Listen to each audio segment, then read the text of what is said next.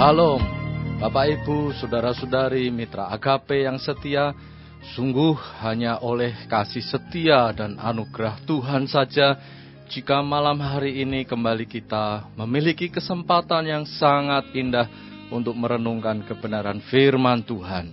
Saya percaya berkat Tuhan senantiasa ada bersama kita.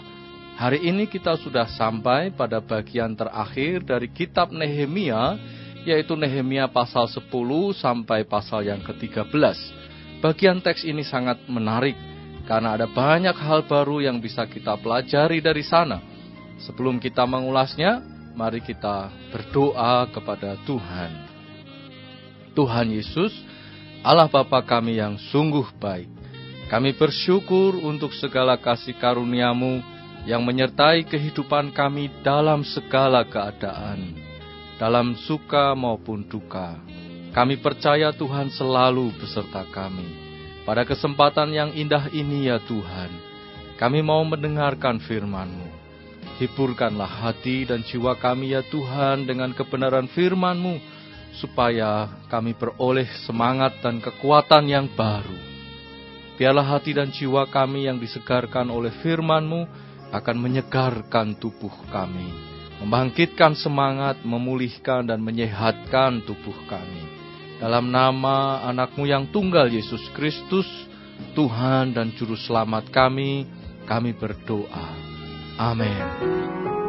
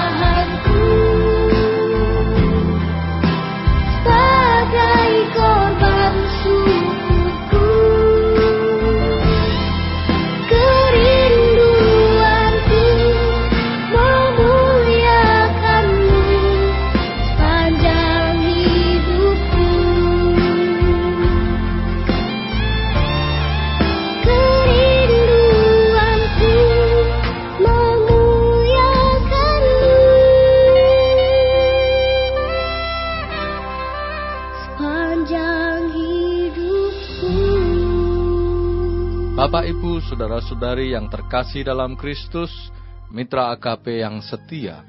Pada bagian yang pertama, mari kita perhatikan Nehemia pasal 10. Nehemia pasal 10 berisi tentang daftar dari kaum keluarga Israel yang ikut ambil bagian dalam komitmen bersama untuk menjalankan setiap perintah dan ketetapan yang Tuhan berikan ke, melalui Musa. Mereka mengikat, mengikat sebuah perjanjian tertulis yang dibubui meterai, yaitu cap stempel dari masing-masing kaum keluarga Israel. Mengenai isi perjanjiannya, mari kita baca Nehemia 10 ayat yang ke-9b sampai ayat yang ke-39. Demikian firman Tuhan. Mereka bersumpah kutuk untuk hidup menurut hukum Allah yang diberikan dengan perantaraan Musa hamba Allah itu dan untuk tetap mengikuti dan melakukan segala perintah Tuhan, yakni Tuhan kami, serta segala peraturan dan ketetapannya. Pula kami tidak akan memberi anak-anak perempuan kami kepada penduduk negeri ataupun mengambil anak-anak perempuan mereka bagi anak-anak lelaki kami dan bila mana penduduk negeri membawa barang-barang dan berbagai-bagai gandum untuk dijual pada hari sabat, kami tidak akan membelinya dari mereka pada hari sabat atau pada hari yang kudus. Dan kami akan membiarkan begitu saja hasil tanah pada tahun yang ketujuh dan tidak akan menagih sesuatu hutang. Pula kami mewajibkan diri untuk memberi tiap tahun sepertiga shikal untuk ibadah di rumah Allah kami, yakni untuk roti sajian, untuk korban sajian yang tetap, untuk korban bakaran yang tetap, untuk hari-hari sabat, bulan-bulan baru dan masa raya yang tetap, untuk persembahan-persembahan kudus dan korban-korban penghapus dosa, untuk mengadakan pendamaian bagi orang Israel, serta segala pekerjaan di rumah Allah kami. Pula dengan membuang undi, kami yakni para imam, orang-orang Lewi, dan kaum awam menetapkan suatu cara untuk menyediakan kayu api. Kayu itu harus dibawa ke rumah Allah kami secara bergilir oleh kaum-kaum keluarga kami pada waktu-waktu tertentu setiap tahun, supaya di atas mesbah Tuhan Allah kami ada api yang menyala, seperti tertulis dalam kitab Taurat. Lagi pula setiap tahun kami akan membawa ke rumah Tuhan hasil yang pertama dari tanah kami dan buah sulung segala pohon. Pun kami akan membawa ke rumah Allah kami, yakni kepada para imam yang menyelenggarakan kebaktian di rumah Allah kami, anak-anak sulung kami dan anak-anak sulung ternak kami seperti tertulis dalam kitab Taurat, juga anak-anak sulung lembu kami dan kambing domba kami. Dan tepung jelai kami yang mula-mula dan persembahan-persembahan khusus kami dan buah segala pohon dan anggur dan minyak akan kami bawa kepada para imam ke pilik-pilik rumah Allah kami dan kepada orang-orang Lewi akan kami bawa persembahan persepuluhan dari tanah kami karena orang-orang Lewi inilah yang memungut persembahan persepuluhan di segala kota pertanian kami.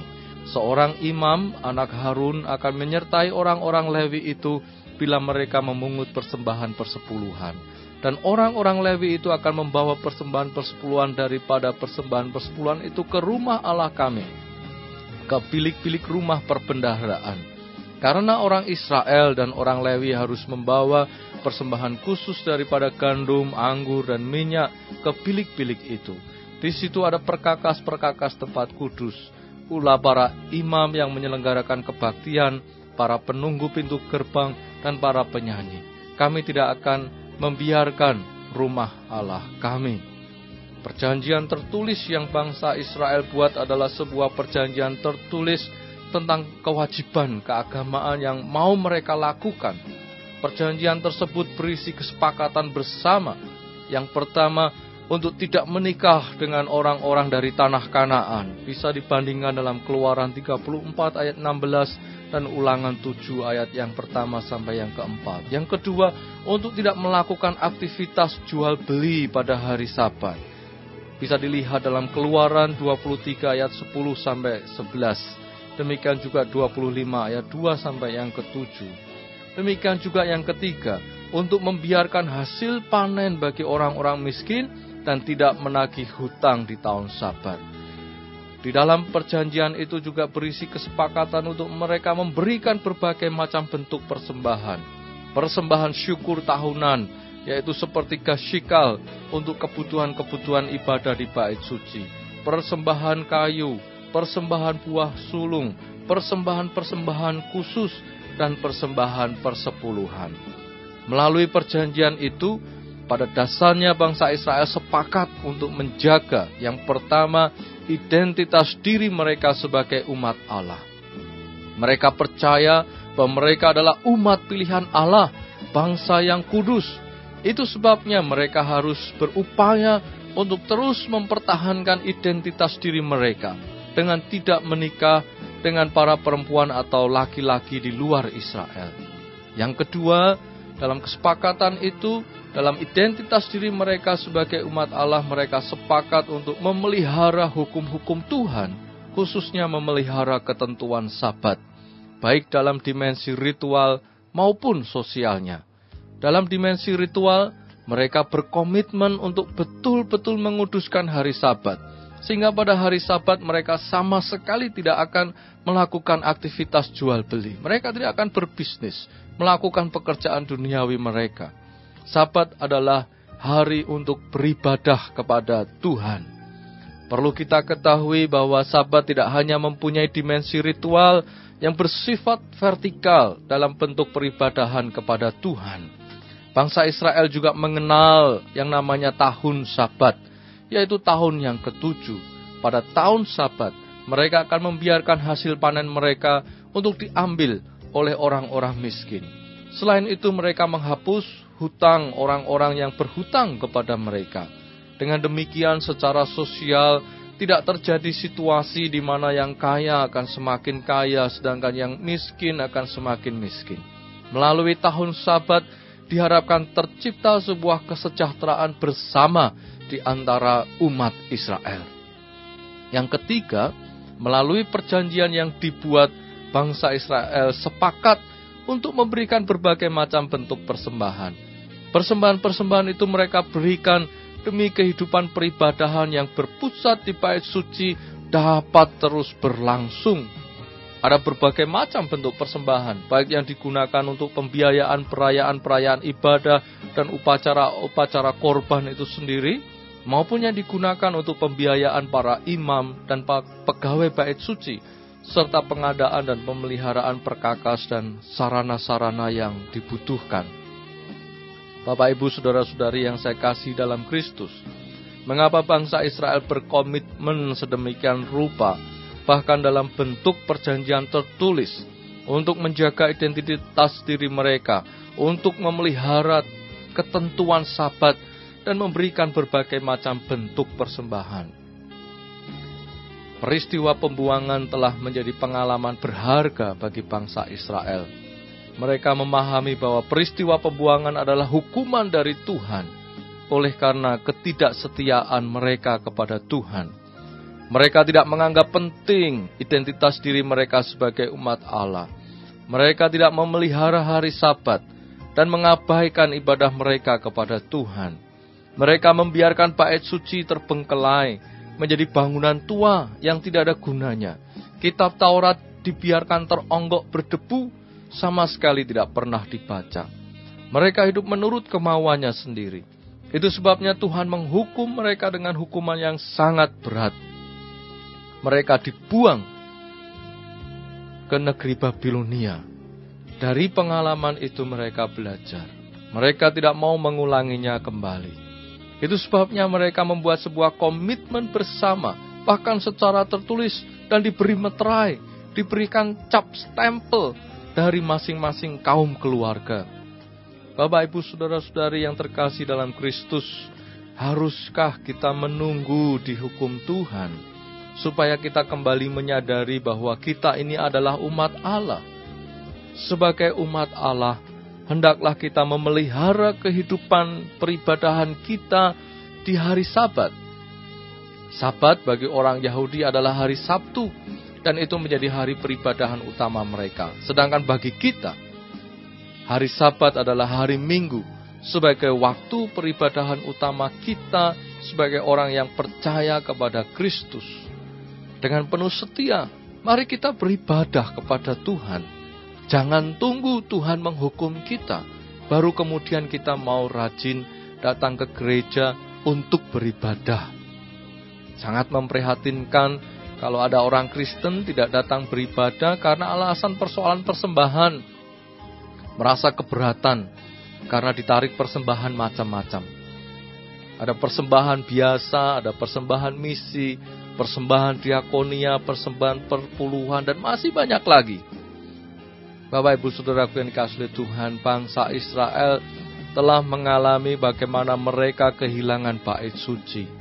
Bait suci sebagai pusat peribadahan mereka kepada Tuhan dihancurkan bagi mereka itu sebuah pengalaman yang sangat pahit dan menyedihkan. Karena hancurnya bait suci sama dengan hancurnya tempat sebagai pusat untuk membangun kehidupan iman mereka. Ketika Tuhan membawa mereka kembali dari pembuangan, mereka dapat kembali berada di tanah Kanaan.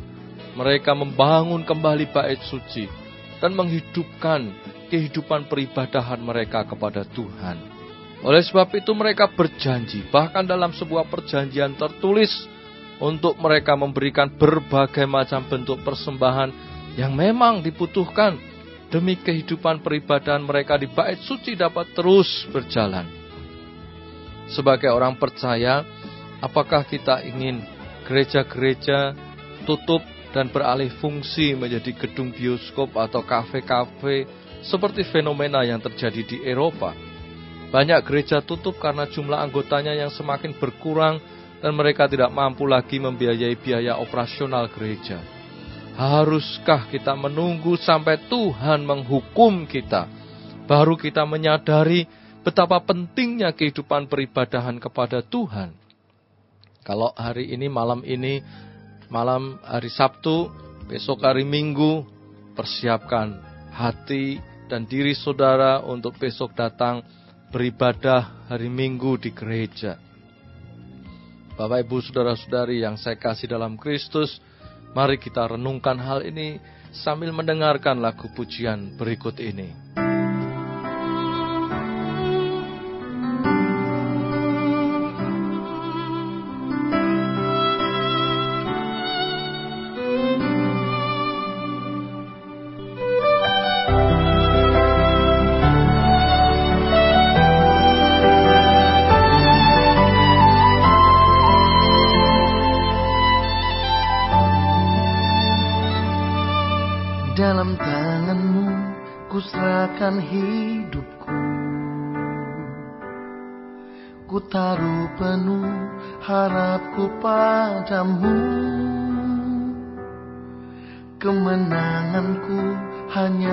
Ada di dalam janjimu. Engkaulah Tuhan pemilik hidupku. Dalam tanganmu ku serahkan hidupku.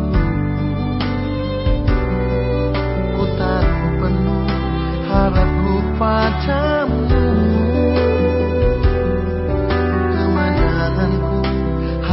Ada di dalam janjimu. Engkaulah Tuhan pemilik hidupku. Semua yang terjadi dalam hidupku. Semuanya atas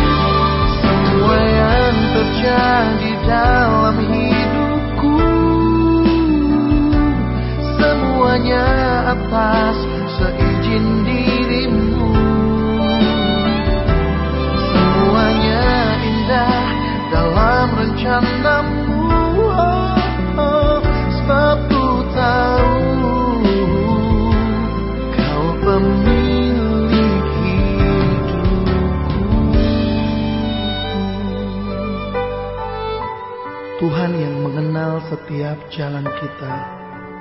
Ke mana pun engkau berjalan, Tuhan ada di sana. Di saat sukacita, Tuhan di sana. Bahkan di saat yang terpahit pun, Tuhan juga ada di sana. Dia buktikan dialah pemilik hidup kita yang tidak pernah mengecewakan. Semua yang terjadi dalam hidupku Semuanya atas seizin dirimu.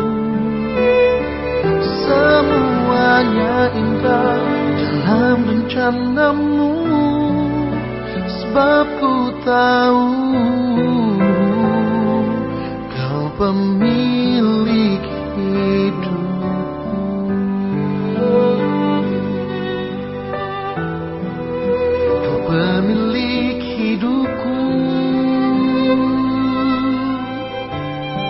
Tetapkan langkah-langkah hidupku.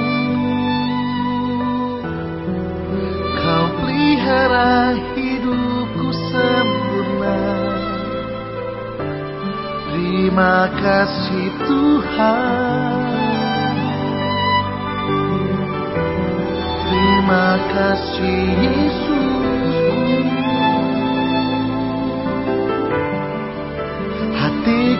tetap percaya.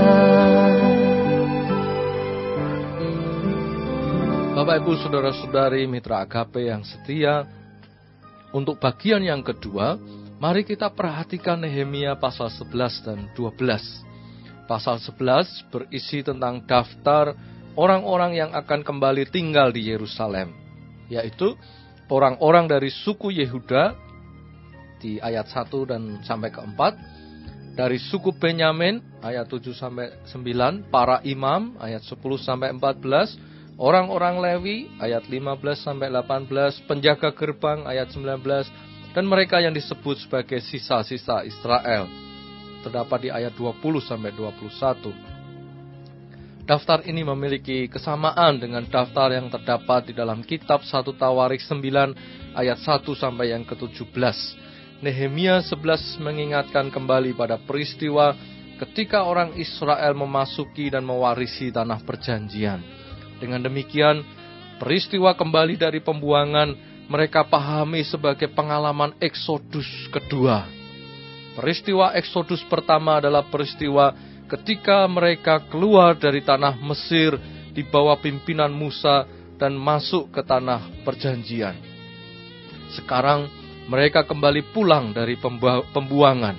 Bagi mereka itu menjadi peristiwa eksodus yang kedua.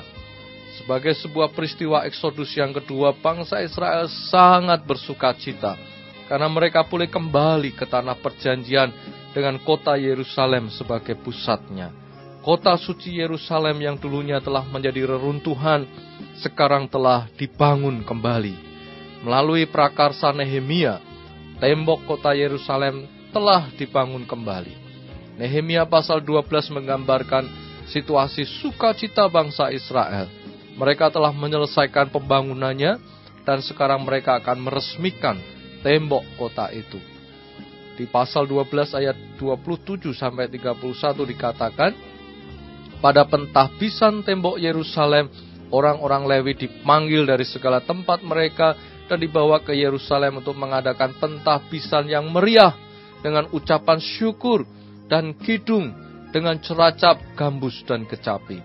Maka berkumpullah kaum penyanyi dari daerah sekitar Yerusalem, dari desa-desa orang Netofa, dari Bet Gilgal, dari Padang Geba dan Asmawet, karena para penyanyi itu telah mendirikan desa-desa sekitar Yerusalem. Para imam dan orang-orang Lewi mentahirkan dirinya, lalu mentahirkan seluruh umat itu, dan kemudian pintu-pintu gerbang dan tembok. Lalu aku mempersilahkan para pemimpin orang Yehuda naik ke atas tembok dan kubentuk dua paduan suara yang besar. Yang satu berarak ke kanan di atas tembok ke jurusan pintu gerbang sampah. Kita lanjutkan di ayat yang ke-38. Dan paduan suara yang kedua berarak ke kiri dan aku mengikutinya dengan sebagian dari orang-orang itu melalui tembok dan menara perapian sampai tembok leba, lebar. Kita lanjutkan ayat 43 sampai 45. Pada hari itu mereka mempersembahkan korban yang besar. Mereka bersukaria karena Allah memberi mereka kesukaan yang besar. Juga segala perempuan dan anak-anak bersukaria sehingga kesukaan Yerusalem terdengar sampai jauh. Pada masa itu beberapa orang diangkat untuk mengawasi bilik-bilik perbendaharaan, bilik-bilik untuk persembahan khusus, untuk hasil pertama, dan untuk persembahan persepuluhan. Supaya sumbangan yang menurut hukum menjadi bagian para imam dan orang-orang Lewi dikumpulkan di bilik-bilik itu sesuai dengan ladang setiap kota. Sebab Yehuda bersuka cita karena para imam dan orang-orang Lewi yang bertugas. Karena merekalah yang melakukan tugas pelayanan bagi Allah mereka dan tugas pentahiran, demikian juga para penyanyi dan para penunggu pintu gerbang sesuai dengan perintah Daud dan Salomo anaknya. Bapak Ibu Saudara-saudari yang saya kasih dalam Kristus, peristiwa Eksodus adalah peristiwa pembebasan. Eksodus yang pertama bangsa Israel dibebaskan dari perbudakan di Mesir. Dalam Eksodus yang kedua, bangsa Israel dibebaskan dari tangan kekuasaan Babilonia. Peristiwa Eksodus yang pertama dimulai dari terjadinya bencana kelaparan di tanah Kanaan. Bencana kelaparan itu membuat Yakub dan seluruh orang Israel harus pindah ke Mesir. Mereka bisa pindah ke Mesir karena Yusuf, anak Yakub yang oleh saudara-saudaranya hendak dibunuh namun kemudian dijual untuk menjadi budak oleh karena tangan penyertaan Tuhan telah berhasil menjadi orang kepercayaan Fir'aun yang berkuasa pada waktu itu. Namun setelah bangsa Israel lama tinggal di Mesir dan Yusuf sudah mati, bangkitlah seorang Fir'aun yang tidak mengenal Yusuf dan sejarah bangsa Israel. Fir'aun itu mulai menindas dan menjadikan bangsa Israel sebagai budak.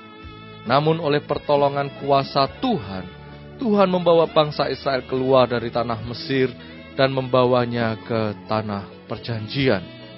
Berbeda dengan peristiwa Eksodus pertama, peristiwa Eksodus kedua dimulai dari ketidaksetiaan bangsa Israel terhadap hukum-hukum, perintah-perintah dan ketetapan-ketetapan Tuhan. Itu sebabnya Tuhan menghukum mereka dan menyerahkan mereka ke tangan bangsa asing. Mereka dibuang ke negeri Babilonia. Namun oleh kasih setia Tuhan, Tuhan membangkitkan seorang raja dari kerajaan Persia bernama Kores yang mengizinkan bangsa Israel untuk kembali pulang ke tanah Kanaan. Keterpurukan bangsa Israel di tanah Mesir diawali dari sebuah bencana kelaparan, sedangkan keterpurukan bangsa Israel hingga dibuang ke negeri Babilonia diawali karena dosa pelanggaran mereka.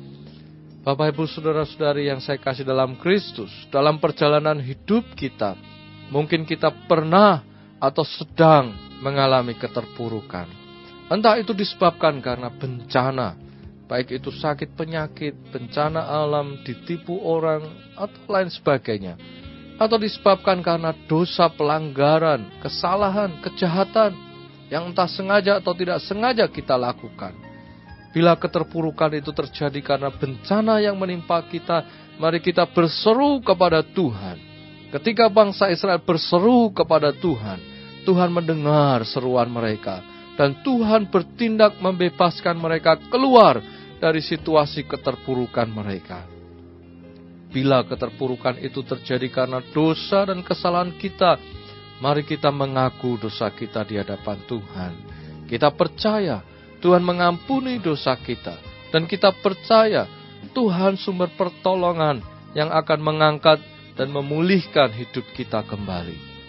Saya percaya di antara Bapak Ibu Saudara-saudari yang malam hari ini mendengarkan siaran program Bible Survey ini pernah mengalami pertolongan Tuhan, dibawa keluar dari situasi keterpurukan. Bukankah situasi dibawa keluar dari keterpurukan merupakan sebuah pengalaman yang sangat menyenangkan dan membuat kita penuh dengan sukacita. Seperti bangsa Israel yang sangat bersukacita karena mereka kembali dapat membangun kota Yerusalem yang sebelumnya telah menjadi reruntuhan. Begitu kota Yerusalem, khususnya tembok kotanya selesai dibangun, Mereka bersyukur kepada Tuhan. Mereka bersukaria dengan musik dan pujian dan memberikan korban dalam jumlah yang besar kepada Allah. Bapak, Ibu, saudara-saudari yang saya kasih dalam Kristus, dengan pujian dan penyembahan, kita dapat menyatakan rasa syukur kita kepada Tuhan. Demikian juga kita bisa bersyukur kepada Tuhan atas segala kasih dan pertolongannya kepada kita melalui korban persembahan yang kita berikan kepada Tuhan. Mari kita berikan korban persembahan kita dengan penuh ucapan syukur, dengan hati yang rela dan penuh sukacita. Mitra agape yang setia, sebelum kita lanjutkan, mari kita dengarkan lagu pujian berikut ini.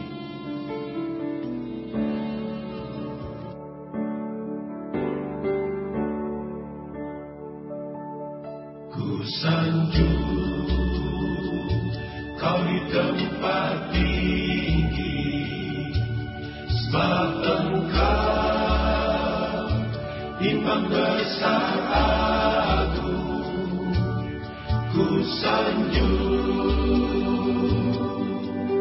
kau lebih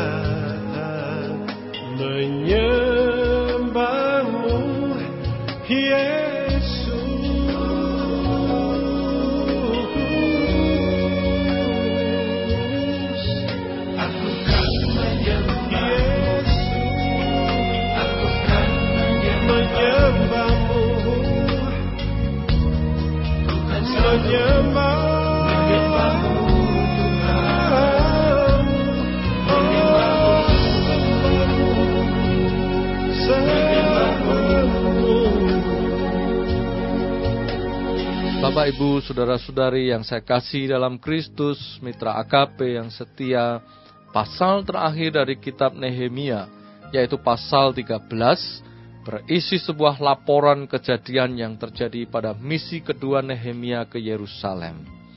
Ceritanya menggambarkan bagaimana saat Nehemia pergi harus menghadap Raja Artasasta, umat Israel kembali melanggar perjanjian dan kesepakatan untuk mereka memelihara hari Sabat dan tidak memperistri orang-orang di luar Israel. Bukan hanya itu, terjadi tindakan korupsi yang dilakukan oleh Imam Eliasib dan Tobia seperti tertulis di ayat yang keempat sampai dengan ayat yang ke-9. Demikian dikatakan. Tetapi sebelum masa itu, Imam Eliasib yang diangkat untuk mengawasi bilik-bilik rumah Allah kami dan yang mempunyai hubungan erat dengan Tobia, menyediakan sebuah bilik besar bagi Tobia itu. Sebelumnya, orang membawa ke bilik itu korban sajian, kemenyan, perkakas-perkakas, dan persembahan persepuluhan daripada gandum, anggur, dan minyak yang menjadi hak orang-orang Lewi, para penyanyi, dan para penunggu pintu gerbang. Dan persembahan khusus bagi para imam. Ketika peristiwa itu terjadi, aku tidak ada di Yerusalem. Karena pada tahun ke-32 pemerintahan Artasasta Raja Babel, aku pergi menghadap raja. Tetapi sesudah beberapa waktu aku minta izin dari raja untuk pergi. Lalu aku tiba di Yerusalem dan melihat kejahatan yang dibuat Eliasib untuk keuntungan Tobia. Sebab bagi Tobia ini telah disediakan sebuah bilik di pelataran rumah Allah. Aku menjadi sangat menyesal. Lalu ku lempar semua perabot rumah Tobia keluar bilik itu. Kemudian ku suruh tahirkan bilik itu. Sesudah itu ku bawa kembali ke sana perkakas-perkakas rumah Allah, korban sajian, dan kemenyan. Karena tindakan korupsi itu, apa yang menjadi hak bagi orang-orang Lewi dan penyanyi bait suci tidak diberikan. Sehingga mereka harus kembali bekerja di ladang. Seperti disebutkan di ayat yang ke-10.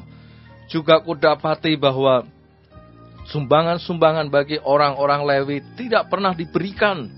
Or, sehingga orang-orang Lewi dan para penyanyi yang bertugas masing-masing lari ke ladangnya. Betapa memprihatinkan kota sudah kembali dibangun, tembok kota juga sudah dibangun, umat Israel sudah membuat perjanjian tertulis untuk melakukan hukum dan ketetapan Tuhan. Tetapi begitu sebentar saja ditinggal pergi oleh Nehemia selaku pemimpin mereka, mereka sudah kembali lagi melanggar apa yang sudah disepakati dan ditetapkan. Itu menunjukkan Betapa umat Israel masih seperti anak-anak yang sangat bergantung pada pengawasan ayah atau orang tuanya. Seperti seorang anak yang kalau tidak ditunggui dan diawasi oleh ayah atau ibunya tidak mau belajar. Seperti seorang anak yang kalau di dalam rumah kelihatan baik, tetapi begitu berada di luar rumah, berada di luar kota, jauh dari orang tuanya, melakukan perbuatan semaunya sendiri. Kalau di lingkungan pekerjaan ada karyawan yang etos kerjanya juga masih seperti anak-anak.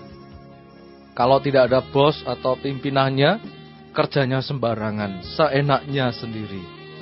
Kalau di sekolah, waktu ujian biasanya ada siswa yang kalau tidak ada gurunya, tidak ada yang mengawasi, berbuat tidak jujur, mengerjakan soal ujian dengan mencontek banyak pejabat yang melakukan korupsi mungkin saja karena merasa tidak ada yang mengawasi.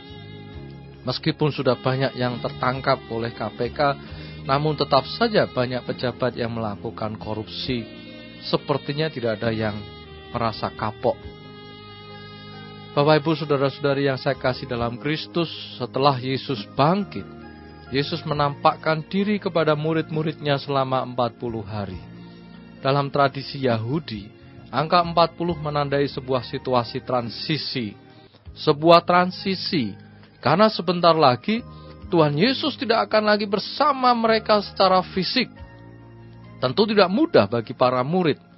Lebih enak kalau Tuhan Yesus ada bersama mereka. Tuhan Yesus bisa membuat mujizat dan memberi pengajaran yang bisa membuat iman percaya mereka kuat. Nah, bagaimana mereka bisa mempertahankan iman percaya mereka kepada Tuhan kalau Tuhan Yesus tidak ada lagi bersama mereka? Siapa yang akan mengajar mereka? Siapa yang akan membuat mujizat keajaiban bagi mereka? Syukur kepada Tuhan, karena Tuhan Yesus sungguh baik. Sebelum Tuhan Yesus naik ke surga, Tuhan Yesus berjanji bahwa Roh Kudus akan turun dan memenuhi kehidupan para muridnya. Dan janji itu sudah digenapi dalam peristiwa turunnya Roh Kudus yang disebut dengan peristiwa Pentakosta. Sejak Roh Kudus turun ke dalam dunia ini, Roh Kudus terus bekerja hingga Kristus datang untuk yang kedua kalinya. Roh Kudus terus bekerja dalam hidup setiap orang percaya, termasuk saudara dan saya. Bapak Ibu Saudara-saudari yang saya kasih dalam Kristus, meskipun Tuhan Yesus tidak ada secara fisik bersama kita, namun kita percaya bahwa Tuhan Yesus selalu ada bersama kita melalui Roh Kudus. Karena Tuhan ada bersama kita, Tuhan tahu segala sesuatu yang ada dalam hati pikiran kita. Tuhan melihat setiap perbuatan tangan kita. Oleh sebab itu marilah kita hidup sesuai dengan kebenaran firman Tuhan. Karena Tuhan ada bersama kita. Biarlah ini juga menjadi spiritualitas hidup dan membentuk karakter kita sebagai orang yang percaya kepada Kristus. Sebagai anak, janganlah melakukan kebaikan hanya kalau di depan orang tua saja. Tetapi di mana pun berada jadilah anak yang baik. Anak yang menaruh hormat pada orang tua dan takut akan Allah sebagai siswa, siswa Kristen, jangan melakukan kecurangan ketika tidak diawasi oleh guru. Belajar saja dengan baik, asal kita belajar dengan baik dan percaya akan penyertaan Tuhan, kita tidak perlu takut menghadapi ujian-ujian sekolah maupun kuliah. Sebagai karyawan, karyawan yang sudah percaya kepada Kristus, jangan kelihatan bekerja dengan sungguh-sungguh hanya kalau pas ada bos atau pimpinan saja ada atau tidak ada yang mengawasi, mari kita bekerja dengan sungguh-sungguh sebaik mungkin. Kita percaya melalui Roh Kudus Tuhan Yesus ada bersama dengan kita. Oleh sebab itu mari kita lakukan setiap tugas dan tanggung jawab kita dengan baik. Mari kita berbuat kebaikan dan kebenaran senantiasa karena Tuhan ada bersama dengan kita. Amin. Biarlah firman Tuhan menjadi berkat bagi kita semuanya. Mari kita berdoa. Ya Tuhan, Allah Bapa kami yang sungguh baik, kami sungguh bersyukur kepadamu ya Tuhan, jika kami selalu masih mempunyai kesempatan di hari Minggu untuk beribadah kepadamu. Kami bersyukur ya Tuhan, Engkau masih memberikan kami kesempatan untuk kami memuji dan memuliakan namamu, untuk kami memberikan korban persembahan yang terbaik bagimu ya Tuhan. Karena kami rindu peribadahan di gerejamu ya Tuhan boleh terus berlangsung. Karena melalui peribadahan itu iman kami boleh dikuatkan, iman kami boleh dibangun. Kami mau ya Tuhan, dengan penuh kerelaan hati kami sebagai rasa syukur kami karena Tuhan senantiasa memelihara dan menolong kami. Kami mau memberikan persembahan kami yang terbaik untuk Engkau ya Tuhan. Kami mau persiapkan itu yang terbaik untuk Engkau, untuk kami bawa di rumahmu, di dalam hadiratmu yang kudus. Terima kasih ya Tuhan. Biarlah Tuhan kami percaya Engkau senantiasa ada bersama dengan kami di dalam kuasa roh kudusmu. Biarlah ya Tuhan karena Engkau ada bersama dengan kami, biarlah kami belajar untuk terus hidup sesuai dengan kebenaran firman-Mu. Kami percaya Roh Kudus yang akan senantiasa mengajar kepada kami ketika kami membaca ataupun merenungkan firman-Mu. Kami percaya Roh Kudus yang akan menyatakan segala kuasa dan mujizat-Mu ketika kami membutuhkan pertolongan-Mu ya Tuhan. Terima kasih ya Tuhan. Oleh sebab itu bagi saat ini kalau ada di antara anak-anakmu yang mendengarkan siaran radio ini sedang dalam keadaan lemah fisik, sedang sakit, Tuhan jamah, Tuhan sembuhkan dengan kuasa roh kudusmu. Bagi yang saat ini mengalami duka cita dan kesusahan, Tuhan hiburkan. Bagi anak-anakmu yang putus semangat, biarlah ya Tuhan, Engkau memberikan semangat yang baru. Dan biarlah Tuhan, Allah Roh Kudus, Engkau sendiri yang menyatakan segala perkara dalam hidup kami. Engkau nyatakan segala berkat-berkatmu atas hidup kami ya Tuhan. Terima kasih Tuhan. Hanya di dalam nama Tuhan Yesus kami mengucap syukur dan berdoa. Haleluya. Amin.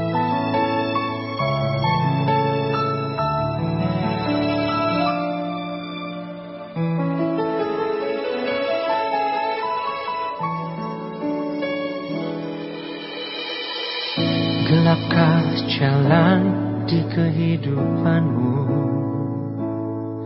Kau letih, kau penat, kecewa. Gentar hatimu menghadapi semua Dan tak pernah kau temukan jawabnya Meskipun telah kau coba dengan kuatmu Tapi semuanya tak berarti. Walaupun dengan segala tangis dan air mata Tak pernah kau temukan jawabnya Serahkanlah bebanmu pada Yesus. Dialah yang sanggup mengatur hidupmu. Dia lebih dari jawaban yang kau perlu. Yesus penolong yang setia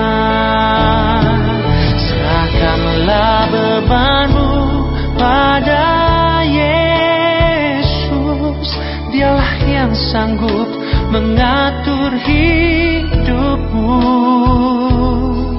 Dia lebih dari jawaban yang kau perlu. Yesus penolong yang setia.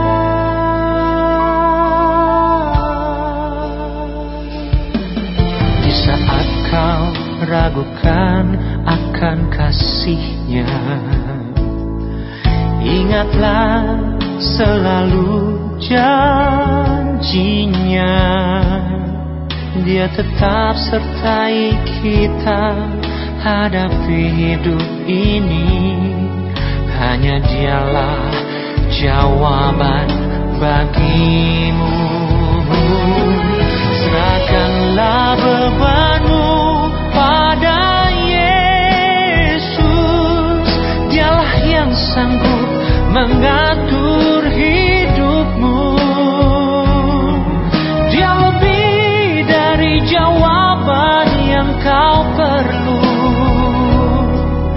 Yesus penolong